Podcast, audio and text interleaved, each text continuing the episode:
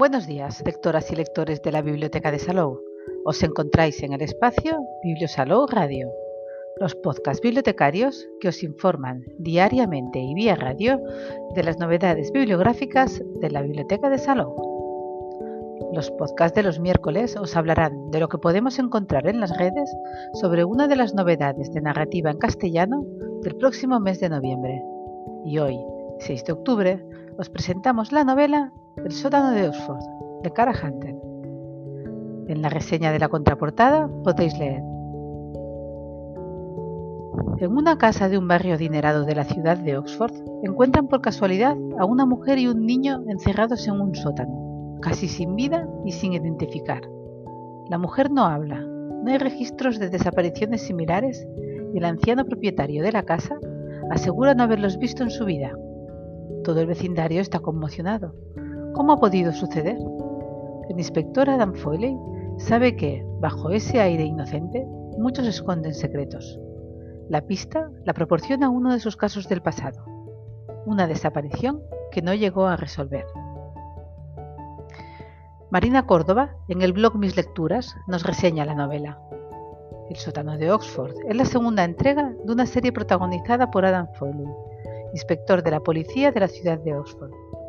Estamos ante un thriller autoconclusivo de oscura premisa en el que nadie es tan inocente como aparenta. Oxford 2017. La reforma de una casa victoriana saca por casualidad a la luz algo horrible cuando un muro medianero se viene parcialmente abajo. Una mujer joven y su hijo pequeño aparecen encerrados en el sótano de la casa contigua. Están deshidratados, en condiciones inhumanas. Nadie sabe quiénes son ni el tiempo que llevan enterrados allí. Nunca se denunció su desaparición, porque sus perfiles no se corresponden con ninguno de la base de datos de personas desaparecidas. Pero lo que es aún más intrigante, el propietario de la casa es un académico jubilado que padece Alzheimer y jura y perjura no conocer de nada a las víctimas. Mientras la policía trata desesperadamente de identificarlos, Adam Foley descubre accidentalmente un posible vínculo con el, caso no resuelto de otra joven desaparecida dos años antes por la misma zona. En su trama se irán alternando dos voces narrativas diferentes. La intimista en primera persona de Adam, voz que irá desgranando el desarrollo de la investigación desde su propia perspectiva, facilitando que el lector se sumerja en su mente para vivir las situaciones tal y como él las percibe. Y un narrador en tercera persona, que será el encargado de impulsar la historia al posicionar el foco de atención sobre el resto de personajes, de modo que tengamos una visión completa de la historia.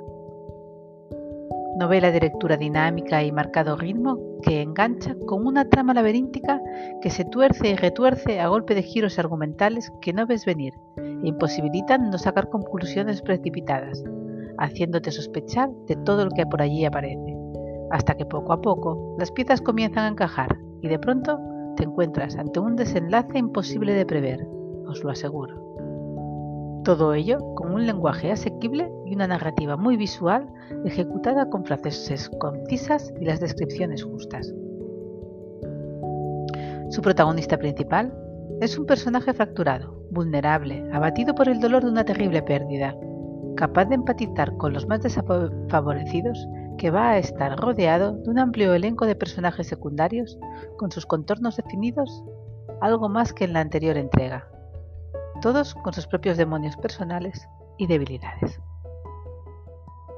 Fernando Repiso, en su blog Libros y Literatura, nos explica que la novela, de casi 500 páginas y editada en castellano por Duomo Ediciones, tiene una estructura altamente adictiva. No hay capítulos como tales, sino secuencias de no más de 10 páginas y muy bien diferenciadas, que van saltando de un narrador a otro en función de la trama, y en la que se intercalan desde noticias de prensa a WhatsApp, pasando por transcripciones literales de interrogatorios policiales, correos electrónicos o un diario.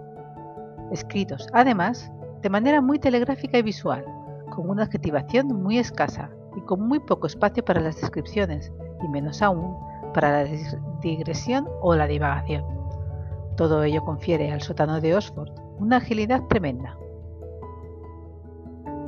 ¿Y qué sabemos de la autora? Cara Hunter es una escritora británica que vive en Oxford en una calle no tan diferente de las que aparecen en sus novelas policíacas.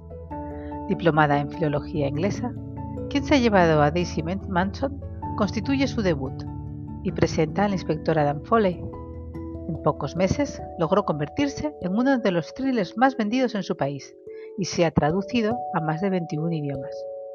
Su segunda novela, El sótano de Oxford, está protagonizada por el mismo inspector y como la primera está ambientada en su ciudad, Oxford.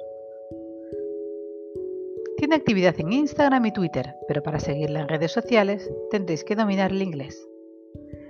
Si se os hace difícil esperar a que salga de novedad y queréis ir abriendo boca con el primer libro de la saga, en la biblioteca os lo podemos conseguir y si no queréis salir de casa, también lo tenéis disponible en la Biblioteca Digital de Cataluña.